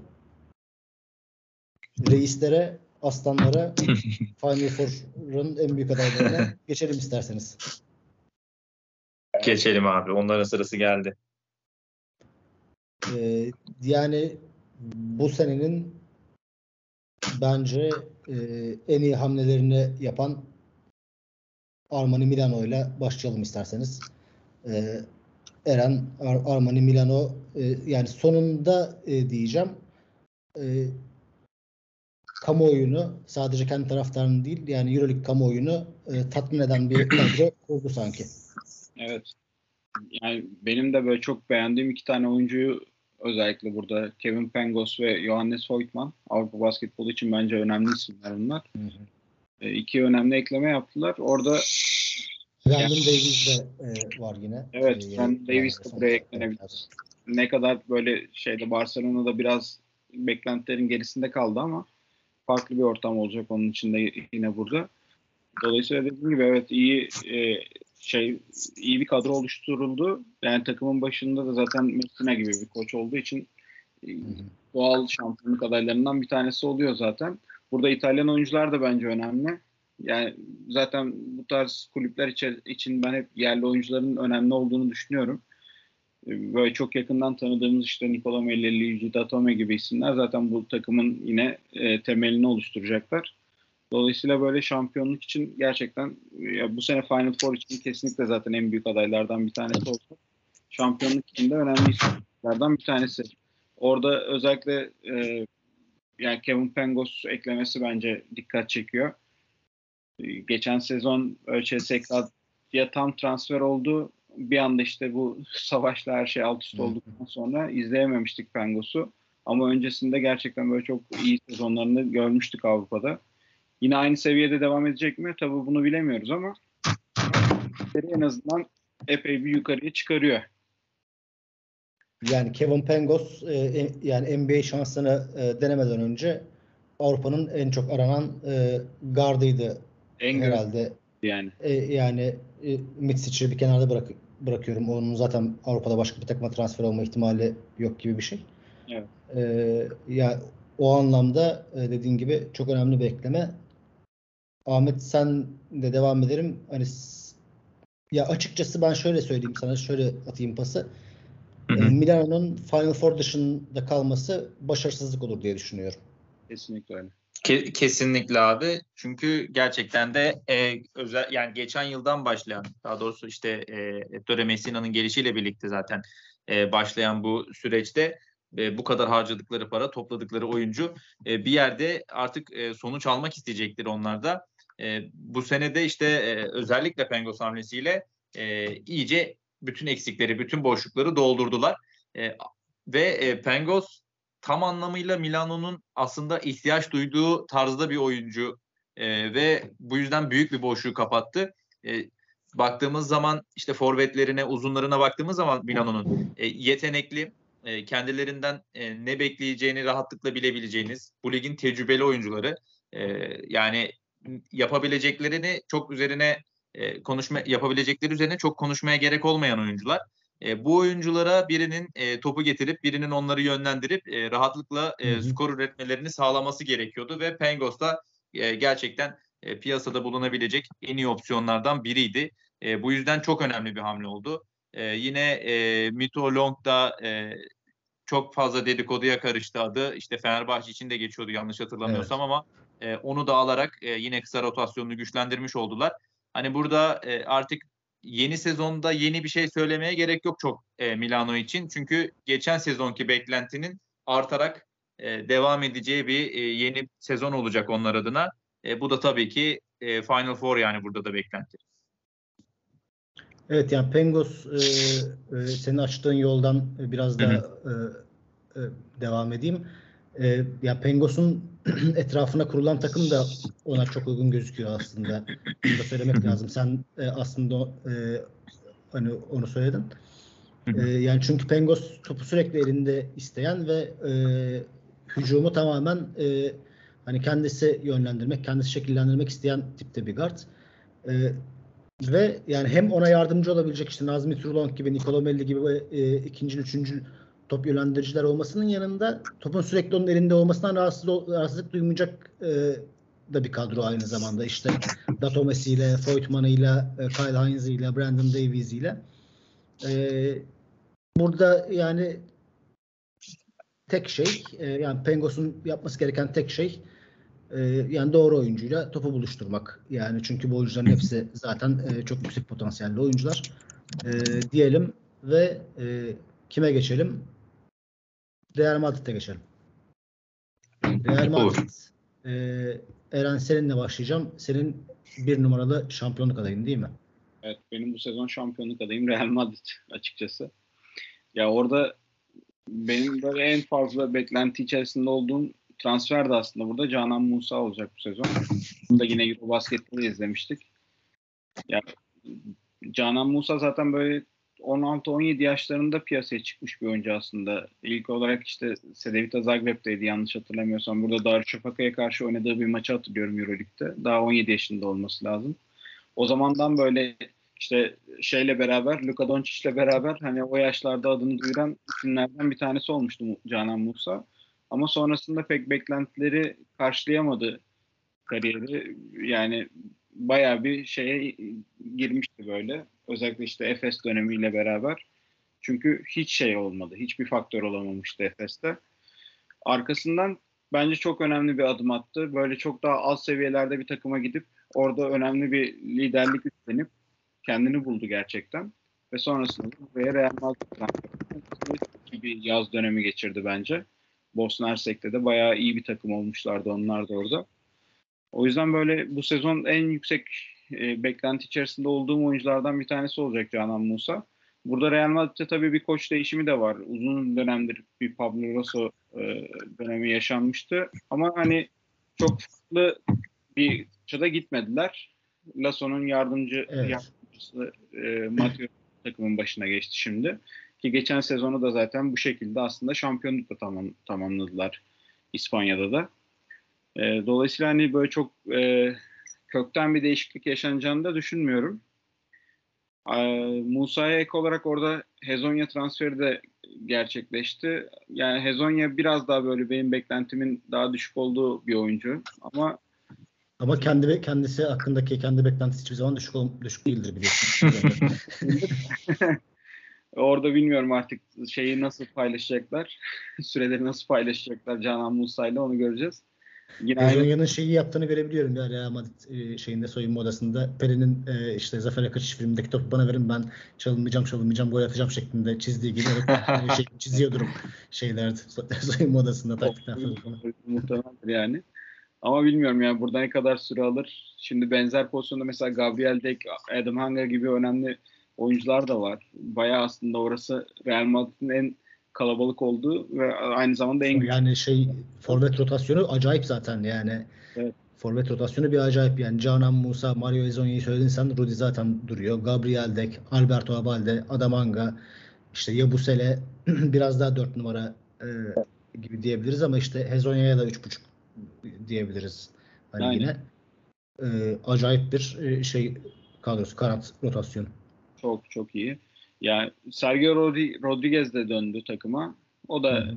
yani gene böyle o kültür ya benim hep böyle dönüp dolaşıp geldiğim nokta aynı şey oluyor işte. Olympiakos için de aynı şeyi söyledim. Burada Real Madrid için de yani o kültürü hakikaten iyi bilen isimlerden bir tanesi Sergio Rodriguez. Dolayısıyla bence e, şimdi Sergio Yoyun da zaten işte bazen sakat bazen oynuyor. Dolayısıyla böyle Rodriguez'le orayı bir şekilde tamamlayacaklardır diye düşünüyorum. O yüzden yani e, Real Madrid benim bu sene şampiyonluk adayım olacak. Numaralı adayım onlar. Evet yani burada beni yani forvet rotasyonundan bahsettik. İnanılmaz bir yani e, rotasyon gerçekten. Yani iki tane çok üst düzey pivotu var yine takımın Poirier ve Edith Tavares. E, ama guardlar konusunda ben hala şeyim böyle e, biraz soru işareti taşıyorum açıkçası. Ahmet oradan bırakayım sana. Şimdi şöyle Nigel Williams-Goss iyi bir oyuncu. Geçen sene kötü bir sezon geçirdi. Bu sezon e, işte daha iyi olmasını bekliyorlar. İşte onun yine benzer bir e, benzer problemler yaşama ihtimaline karşı Chacho Rodriguez'i getirdiler ama yani Rodriguez 36 yaşında e, ne kadar katkı verebilecek? Yuy yine hakeza o da 35 yaşında ki Eren'in biraz önce değindiği gibi sakatlık e, geçmişi e, malum. E, yani şöyle sorayım sana. Sence de en büyük şampiyonluk e, favorisi, senin de en büyük favorin Real Madrid mi? Yani Yasikevicius'a rağmen ben Barcelona'nın e, favori olacağını düşünüyorum. o yüzden e, Real Madrid için tabii ki aynısını söyleyemeyeceğim. Bir tane e, favori belirtmem lazım. E, guard rotasyonu içinde şöyle düşünüyorum abi. Aslında e, bu kadro biraz e, guard rotasyonundaki defolara göre kurulmuş gibi geliyor bana. Neden derseniz e, şöyle e, Musa'nın ya da işte yer yer e, Hezonya'nın Rudy Fernandez zaten yazın gördük e, İspanya'da neredeyse e, Evet. bu rolü tek başına oynadı. E, Abalde de keza yine e, oraları oynayabilecek bir oyuncu. Biraz daha böyle Şeyde, forvet e, rotasyonu- Hanga da Hang- Hanga da. Barcelona'dayken zaman zaman e, hani Evet. topu getiren topu yönelen oyuncu olarak oynamıştı. Belki hani e, Lasso çok kullanmamıştı ama Matteo belki onu da e, hı. kullanabilir. Kesinlikle. Yani o kadar derin bir forvet e, rotasyonu var ki e, bir kısmını garda da yazabilirmişiz aslında. E, o yüzden e, oraları düşünerekten belki de bu şekilde değerlendirdiklerini düşünüyorum. E, çünkü e, oyun kurucu anlamında çok fazla da bir seçenekleri yoktu. E, ve hani gidip de NBA'den veya işte e, yaz liginden sürpriz bir oyuncuyu alıp gelmektense e, Rodriguez'i getirerek Eren'in bahsettiği o işte kültürün devamlılığını sağlayacak yapıyı e, bilen hani hep e, futbolda Türkiye Ligi'ne gelen ho- hocalar oyuncular için denir ya ligi bilen falan. E, o tarz bir takımı da ligi de bilen bir oyuncuya gittiler. Sağlıklı kaldıkları sürece buradan verim alacaklar. E, yani bunu e, Barcelona ile oynadıkları e, kupa finalinde de gördük. E, verim alıyorlar. E, sağlıklı olmazlarsa da bu defoları forvetlerle kapatacaklar. E Şimdi forvetlerinde de evet potansiyel yüksek. E, hatta işte Hezonya gibi bir oyuncu var. Az önce bahsettiğiniz gibi Kobe'yi Allah rahmet eylesin ben birebir de yenerim diyen bir adam.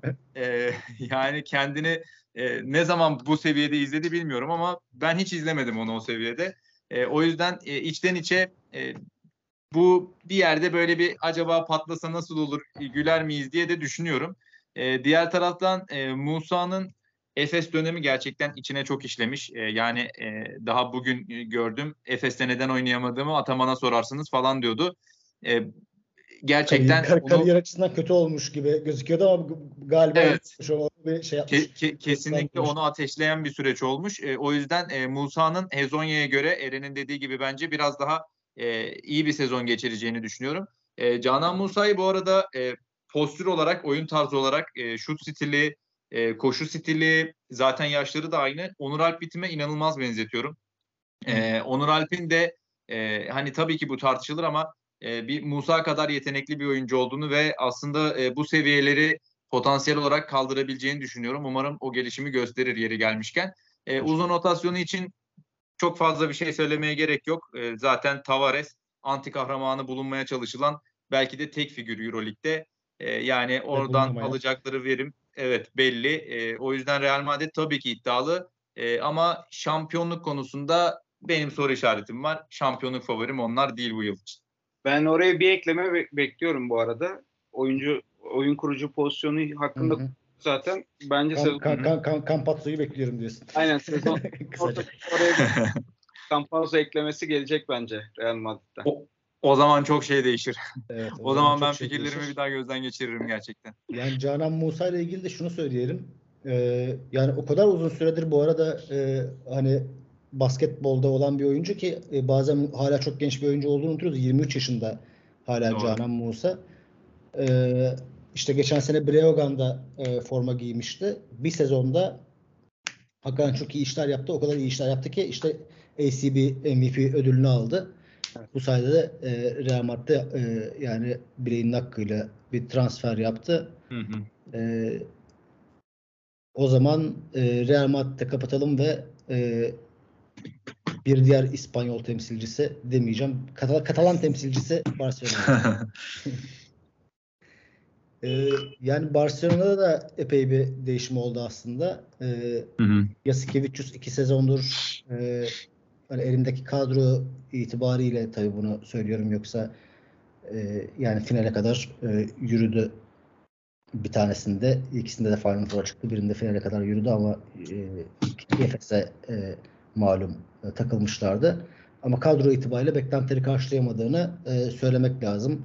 Yasikevicius'un ve e, başarılı olup olmamaktan e, ziyade de e, hep oynattığı oyunla e, eleştirildi. İpi çok fazla e, tutmasıyla, oyunculara e, pek fazla serbestlik vermemesiyle çok eleştirildi ki e, Nick Galatis de mesela bugün e, e, daha doğrusu e, bugün mü birkaç gün önce belki. Esport'a verdiği röportajda aynı şeyden bahsetmiş. Yasikevicius'un e, oyunculara serbestlik vermediğini bahsetmiş ve şunu demiş. Ben e, yani genç bir oyuncu değilim, 20 yaşında değilim. Oyunu nasıl oynamam gerektiğini biliyorum e, demiş hatta. Yani öyle bir e, şey yapmış, göndermede bulunmuş. E, yani bu yani Yasikevicius özelinde e, bu takım hani şey yapabilir mi yani şampiyon olabilir mi deme, yani sorusu da birazcık saçma çünkü hani oraya sonuna kadar geldiler aslında. Ama hani hem yeni transferler işte Satoranski, Veseli, e, işte Mike Toby e, gibi e, yeni transferler üzerinde bu takım artık o son e, basamağı atlayabilecek mi size göre? Hı hı. Abi e, bana göre bu takıma yapılan eklemeler içerisindeki en önemli oyuncu e, Nikola Kalinic. E, tabii ki Veseli'ye haksızlık etmek istemem. Evet. E, Veseli'ye haksızlık etmek istemem. E, yani çok önemli bir e, figür oldu Avrupa basketbolu için e, Fenerbahçe dönemi sonrası. E, ama Nikola Kalinic de a- bambaşka bir oyuncuya evrildi. Veseli'nin efsane olduğu aynı süreçte yine Fenerbahçe'de Obradoviç önderliğinde. E, şu anda Kalinic'ten isteyip de alamayacağınız oyun içerisinde neredeyse hiçbir şey kalmadı. E, sadece belki stil olarak bunu rahatlıkla gösterebilen bir oyuncu olmadığı için e, bu kadar göze batmıyor olabilir ama ben Kalin için çok önemli bir faktör olacağını düşünüyorum. Özellikle de e, o tam bahsettiğin işte ölüm kalım anlarında e, Kalinic tarzı e, oyuncuların e, önemli olacağı e, kanaatindeyim. Veseli de bunlardan biri olacak. Yani yeri geldiğinde e, heyecanlanılan herkesin işte ne yapacağını şaşırdığı anlarda en kötü ihtimalle e, topu ellerine verip alçak posta onları bırakıp bir şeyler yapmalarını beklemek bile e, bu takıma zaten e, yüksek olan seviyesini biraz daha yukarı taşıyacak.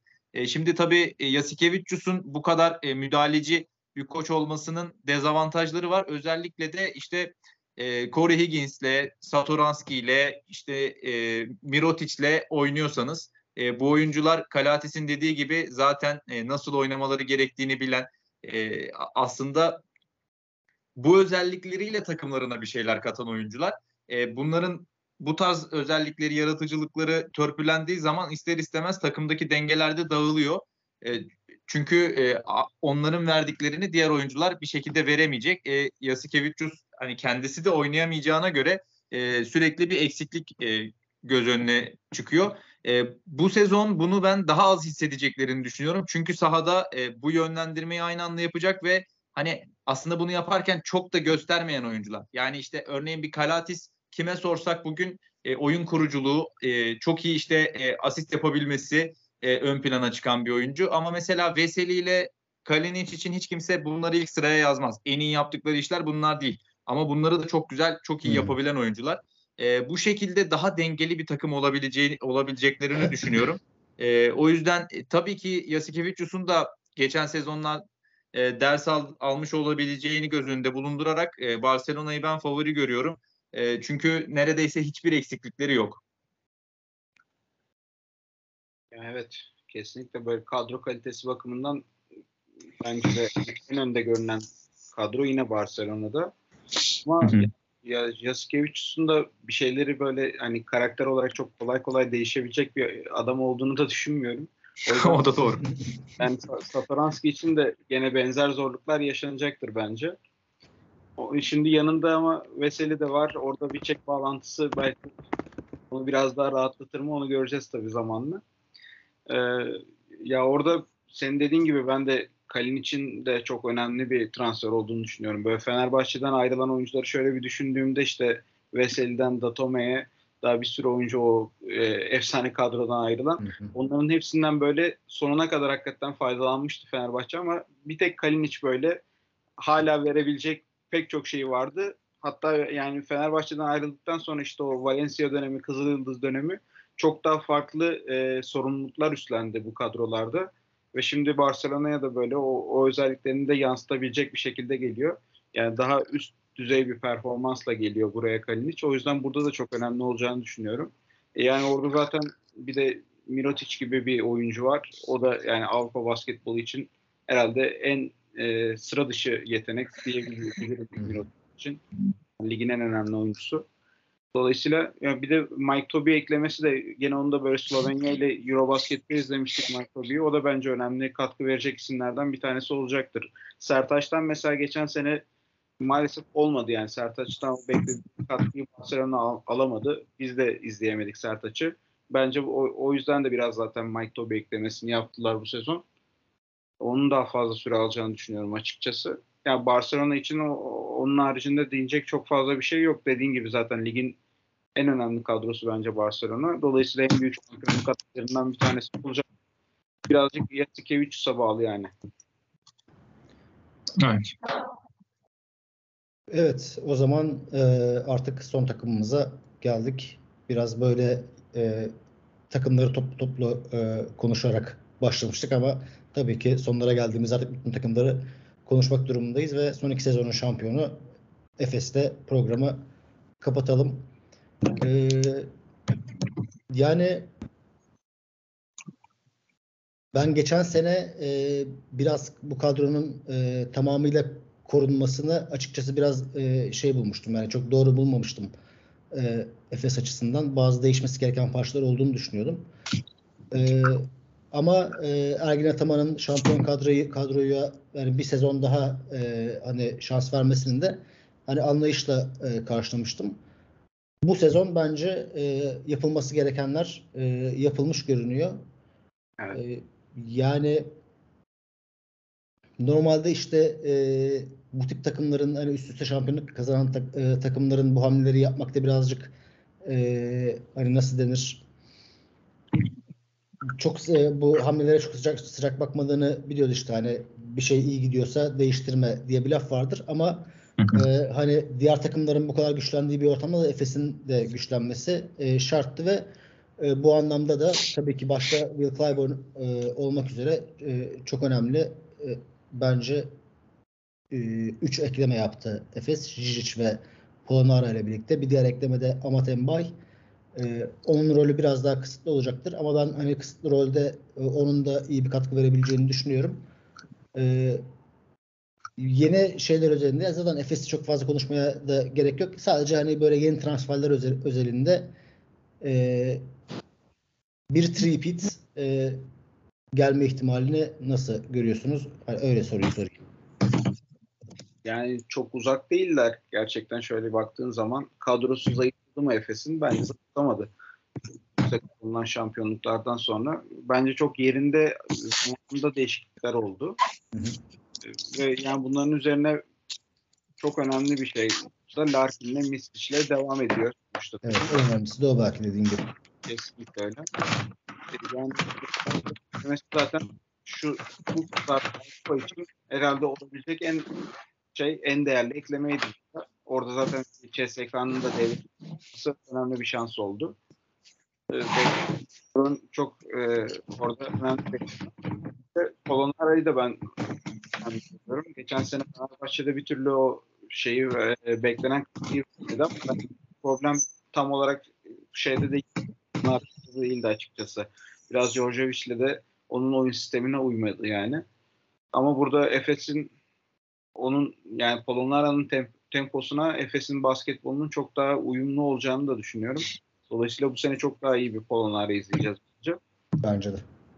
Yani Zizic için de geçen işte Fenerbahçe maçında Cumhurbaşkanlığı Kupası maçında izledik. Zaten yani orada hani karşısında şey e, iyi bir savunmacı bulma, bulmadığı zaman zaten orayı çok rahatlıkla şey yapabiliyor, domine edebiliyor. Yani geçen maçta zaten sadece Jonathan Motley ile savunmaya çalıştı Fenerbahçe. O da çok erken faal problemine girince ortalık tamamen Jijic'e kalmıştı. Yani böyle böyle durumlarda orada önemli bir üstünlük sağlıyor. Dolayısıyla böyle hani Efes'in totale baktığımda e, kadrosunda herhangi bir geriye gitme görmüyorum ben. O yüzden de neden olmasın diyebiliyoruz tabii bir üçlemenin gerçekleşmesi çok da imkansız görünmüyor burada. Ya bir de Ergin Ataman faktörü var zaten. Yani, yani evet. Ee, şimdi yani Will, Will Clyburn'un hakikaten e, e, Big Three hani bu NBA'deki meşhur tabirle işte Big Three üç, evet. işte üç süperstarın olduğu takımlara e, verilen e, isimle ifade edelim. E, öyle bir üçlü e, yakalamış oldu Efes ama burada e, Jijic yani aslında benim böyle çok ayılıp bayıldığım bir oyuncu değildir açıkçası ama Efes e, hiç hemen hemen e, post oynamayan bir takım olarak böyle bir e, opsiyon eklemesi evet. e, aslında Ergin Ataman'ın da çok tercih ettiği bir oyun değildir e, post oyunu ama e, yine de ekstra bir e, böyle bir hücum opsiyonu olması e, son derece önemli diye düşünüyorum. E, Ahmet senle e, sen de Efes'le ilgili görüşlerini e, söyle ondan sonra yavaş yavaş kapatalım istersen. Ee, abi Zizic hakkında e, sana katılarak başlayayım. Şöyle e, Zizic evet e, karşısında savunma görmediği zaman Eren'in bahsettiği gibi e, iyi performans sergileyen ve gerçekten pot altını domine eden bir oyuncu. E, ama biraz bu e, sağlam teması aldığında, iyi savunmacılarla karşılaştığında da e, açıkçası sakar diye tabir edebileceğimiz bir oyuncu bana göre. Bu yüzden de ben e, Efes'ten uzun rotasyonuna hamle tabii ki bu yaz bekliyordum. E, ama bu beklentim şöyleydi. Örneğin e, Plyce yanına Zizic evet. E, bir de Dunstan'ın yerine mesela Motley Efes'e. Daha daha e, atletik, e, evet. çemberi savunabilen e, Kesinlikle. Aynen öyle. Bu tarz bir uzunla ben e, rotasyonu tamamlayacaklarını, Egemen'de de yerel ligi götüreceklerini düşünüyordum. Şimdi bu rotasyonda da evet eksikler yer yer tamamlanmış gibi. Mesela Petrushev'den almayı beklediklerini Zizic'den alacaklar bana göre. E, yalnız Efes'in e, sezon boyunca rakiplerini düşündüğümüz zaman, rakip kadroları düşündüğümüz zaman e, en büyük problemini yine uzun rotasyon, e, rotasyonunda yaşayacağını düşünüyorum. E, diğer taraftan aynı Ituidis gibi veya işte milli takımlarından gelen diğer koçlar gibi Ergin Ataman'ın da e, bu takıma e, geç katılması, e, Shane Larkin'in e, sakatlığının sezon başını kaçırmasına sebep olacak olması, e, Efes'in belki kötü bir başlangıç yapabileceği ihtimalini benim aklıma getiriyor. E, yani Eurolig'in ilk haftalarında e, Efes belki de e, beklenmedik mağlubiyetler e, alarak e, sezona başlayabilir. E, ama e, takım birbirine ısındıktan sonra e, Larkin e, sezona giriş yaptıktan sonra e, Efes'in daha e, akıcı bir oyun oynamaya başlayacağını e, Eren'in Polonara için söylediği onun sistemine uygun ola- e, olan e, oyunla e, forvetlerinden de e, rahatlıkla e, skor anlamında kendini besleyebileceği bir düzen oluşturacağını düşünüyorum. Yani Efes için sezon ilk haftada başlamayacak bana göre.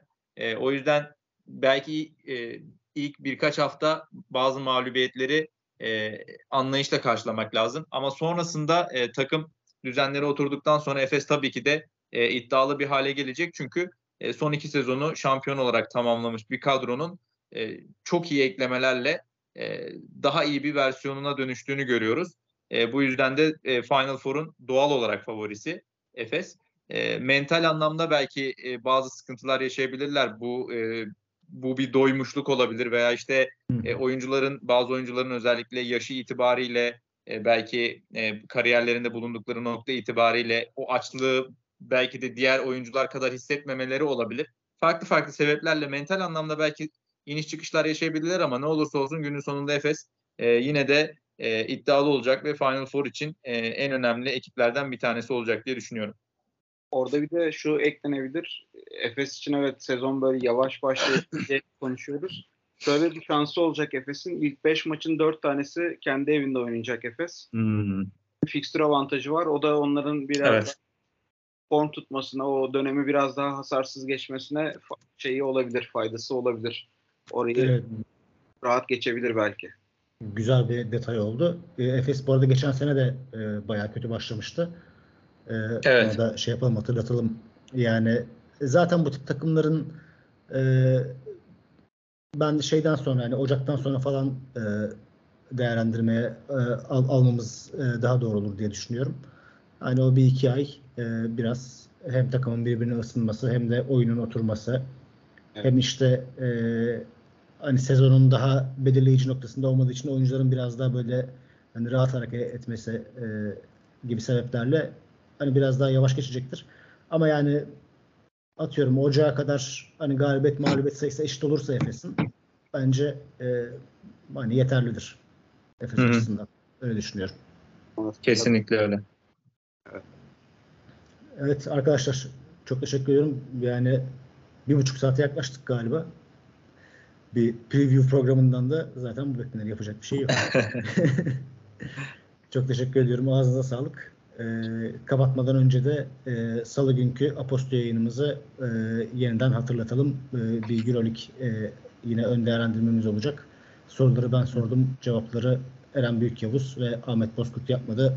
Eren Büyükyavuz ve Anıl Kantemir e, cevapladı. Evet. Ahmet de cevaplayacaktı ama çok uzun olduğu için Ahmet'in geçmek zorunda kaldık. Özür dileyerek. E, diyeyim ve e, tekrar teşekkür ediyorum size. E, Biz dinleyicilerimize teşekkür ediyoruz abi. dinleyicilerimize biz dinledikleri için e, bu zamana kadar kaldılarsa onlara da teşekkür ederim. Hoşçakalın diyorum. Görüşmek Hoşçakalın. üzere.